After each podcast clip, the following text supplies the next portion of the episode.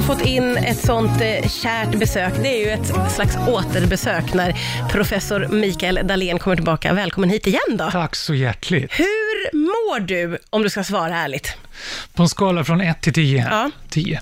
Oj, du mår ju kanon idag. Mm, jag är så bra- glad att få träffa dig igen och solen skiner ute. Ja, det är sånt som räknas. Har du haft en bra helg? Kan det spela in? Ja, det kan det absolut. Ja. Jag har eh, varit på Dramaten och gjort min föreställning om lycka, vilket ju är ett riktigt lyckopiller. Ja, Mm. det har jag förstått att den är ju för dig, för det är en underbar sak att få göra. Det Ja, snackade vi lite grann om förra gången. Och det kan ju jag se i mina sociala medier, att folk blir också lyckliga av att eh, se dig där. Ja, jag är så glad att du det är får fler än jag som mycket roligt. hurrarop och så. Det är fantastiskt. Det känns väl jätte, jätteroligt. Mm. Det är vanebildande, den kommer aldrig bli av med mig. Dra- Dramaten får knuffa ut dig till slut. Bara, Nej Mikael, inget mer nu. Nej, de är superglada att du är där såklart. Vi har så mycket att prata om. Vi ska prata om eh, din bok Starkt kul. Ja, Eh, det, men jag vill också prata lite grann om, för nu, vi hinner ju snacka lite grann när du kommer in i studion här, eh, och, och vi pratar om det här med att man ska kunna ehm, det är viktigt.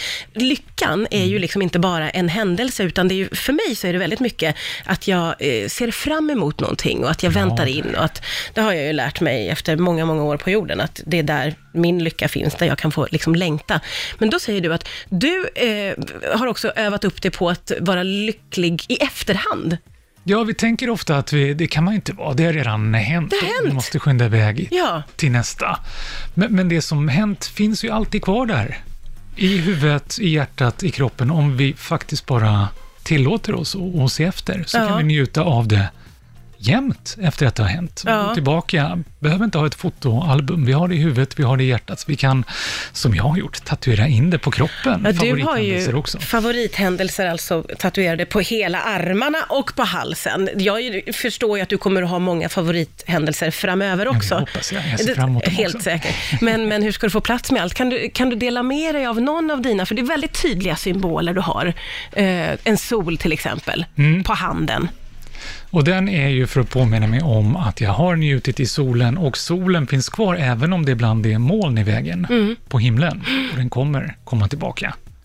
Hur bra är du på att plocka upp de här då? När du, har, du har också som alla andra en riktigt dålig dag och allting känns bä. Hur bra är du då på att plocka fram dina minnen av solen på riktigt? Mm, inte så bra att jag klarar utan tatuering. Jag behöver det som Ah, okej. påminnelse. Men Ja. när jag påminner mig så har jag blivit ganska bra på det. Och det går att träna upp sådana saker som hur vi mår, hur vi förhåller oss till saker. Att njuta av det som händer, det som har hänt och det som kommer hända sen. Det går att träna upp och det är verkligen värt att göra det. Ja. Livet blir så mycket härligare. Det låter ju som att det blir otroligt mycket härligare. Vi, eh, vi, vi snackade ju innan här om att man, för du försöker eh, verkligen eh, minnas dina favoritstunder och har tatuerat in dem. Som fina symboler på både hals och armar. Men om man inte vill tatuera sig, har du något tips på hur man kan så här, behålla de där favoritstunderna i, alla fall? Ja, eh, njut av dem tillsammans. Ja, okej. Dels njuter du mera när de händer, om du får uppleva något tillsammans och dela upplevelsen, men det gör också att du har någon att prata om det och återuppleva med sen. Som såg helt andra saker, som gör upplevelsen ny för dig igen och igen, när ni pratar och återupplever. Så det är guld värt. Och det är någonting bra med de sociala medierna som vi Ja, alla brottas med. Ska man lägga upp allt där? Men det finns ett värde i att lägga upp för det som händer går väldigt fort, men det finns kvar där sen och då kan du dela det med många andra. Ja, och Som- där kan man ju verkligen scrolla sig tillbaka också och, och se sin favorithändelse. Vilket vi är dåliga på, det borde vi göra. Scrolla tillbaka oftare i våra egna flöden. Kan Ja. deep-lika dig själv, precis som du stakar andra, din rackare.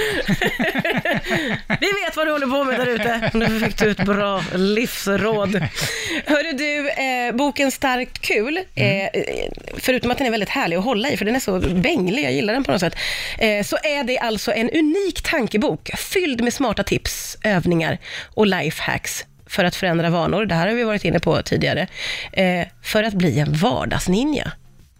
Wait, what? Vadå vardagsninja? Mm. Först, eh, anledningen till ordet ninja är att ninjor är väldigt bra på att smyga. Och det slog mig häromåret att jag hade blivit ganska dålig på. Jag går upp tidigare än resten av familjen, Ja. ofta, men de tvingades under en period gå upp lika tidigt som jag, för jag lät så mycket. Gick du så hårt upp- i golven? Det, det knakade i alla leder och det stånkades för att jag var så stel. Ah, Och, och när jag väl hade upptäckt det så blev det jättejobbigt, för jag märkte att jag var ju med mitt soundtrack överallt hela tiden. Och jag började höra hur många andra som gör det. Hur man stånkar, låter, för att man inte är någon ninja. En del som till och med drar sig för att eh, gå ut och ha en liten skön picknick i sommargräset när solen skiner, för att det är bara så jobbigt att sätta sig ner på marken och Ja. resa på sig igen. Det är många som känner igen sig i det här. Okej, men eh, hur, hur tar man sig an den här uppgiften då, att bli en vardagsninja? Och så eh, lägger vi till att man kanske är en lite lat person och man tänker, jag gör det imorgon. Lägg, lägg på det också. Ja, precis. Då blir man ju en riktig ninja som Ja. kan smyga sig helt ansträngningsfritt igenom tillvaron och vad den är. Springa ikapp bussen eller konka upp ett piano för trapporna eller vad det än är. Det gör man genom att bejaka rörelseglädjen i tillvaron och röra lite mera på sig mest hela tiden. Den här boken är ju lite av en förklädd träningsbok, både för att träna huvudet men för att träna kroppen också. De hänger ju ihop de där två. Ja, Och det finns så många sätt att träna på utan att vi ens behöver tänka på det som träning. Vi behöver inte gå iväg till ett gym eller en yogastudio eller ett löparspår eller någonting. Vi kan ju göra det om vi tycker det är kul. det, ja, det här låter ju, det, och det är ju många som tycker det är jätteroligt, Mm. men för mig låter det här som musik, för att eh, allt det där är som mardrömmar för mig. Du, eh, den här boken, Starkt kul, eh, om du skulle ge dig på att ge oss ett, eh, eller två, konkreta tips på hur man kan f- träna utan att det känns som att man tränar, eller vad var det du sa? Man, man vill inte gå på gym och man tycker Mm. det känns obehagligt. I sin vardag vill man försöka lite i smyg på något sätt komma i form. Mm. Eh, träna korta, korta stunder ofta istället för längre stunder sällan. Inga entimmespass, kör en, en två minuters träning. Men gills det? Ja, det gör det. Det gör det. Kolla på, på de som är starkast i världen, eh, tyngdlyftare. Ja. De eh, tränar jättekort. De gör ett lyft på en extremt tung vikt och sen pausar de jättelänge. Kolla på gymnaster som kan göra de mest fantastiska saker. Båda mina barn har tävlat i gymnastik. Samma där. De gör det här fantastiska en gång och så vilar de jättelänge emellan för att kunna prestera på topp. Och de är aldrig svettiga. Du måste inte bli svettig, slutkörd. För det tro, tror man ju. Man tror att man måste hålla igång minst en halvtimme och att man ska vara helt rödmos i fejset och svettig och att man ska ha haft på sig gympabyxor. Mm. Så det behöver du inte. Tre gånger två minuter, det blir sex minuter. Det, det ger mer än att hålla på en halvtimme. Och då skulle man ju kunna göra det då på, när man går till jobbet eller ja, egentligen när som helst om jag förstår det rätt då. Mm. Eh, spring ikapp med bussen. Du ser bussen komma mot hållplatsen. Spring ikapp. Ja. Det kanske tar 15-20 sekunder. Du ger järnet. Det är Ja. fantastiskt bra träning. Och du hinner inte bli så svettig. Och sen springer du ikapp med bussen på vägen hem igen. Och så är du halvvägs till Usain Bolt. Inte riktigt, men du kan bli skitbra. Du blir kanske inte snabbast i världen med den här träningen, men det blir bara en person. Alla andra som tränar ihjäl sig blir inte snabbast, helt i onödan då. Men du kan fortfarande bli skitbra.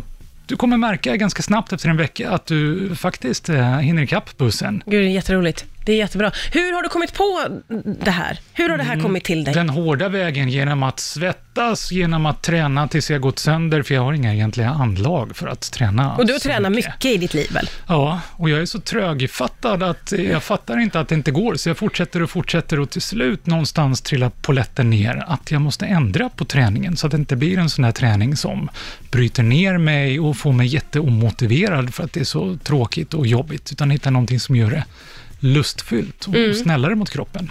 Och det funkar. Och det funkar. Mm. Eh, jätte, jätte smart och roligt, precis som vanligt. Jag tänker försöka lura hit det igen vid något annat Ja, tillfälle. hemskt gärna. Är det okej Snälla, där? gör det. Tack för idag, professorn. Tack snälla.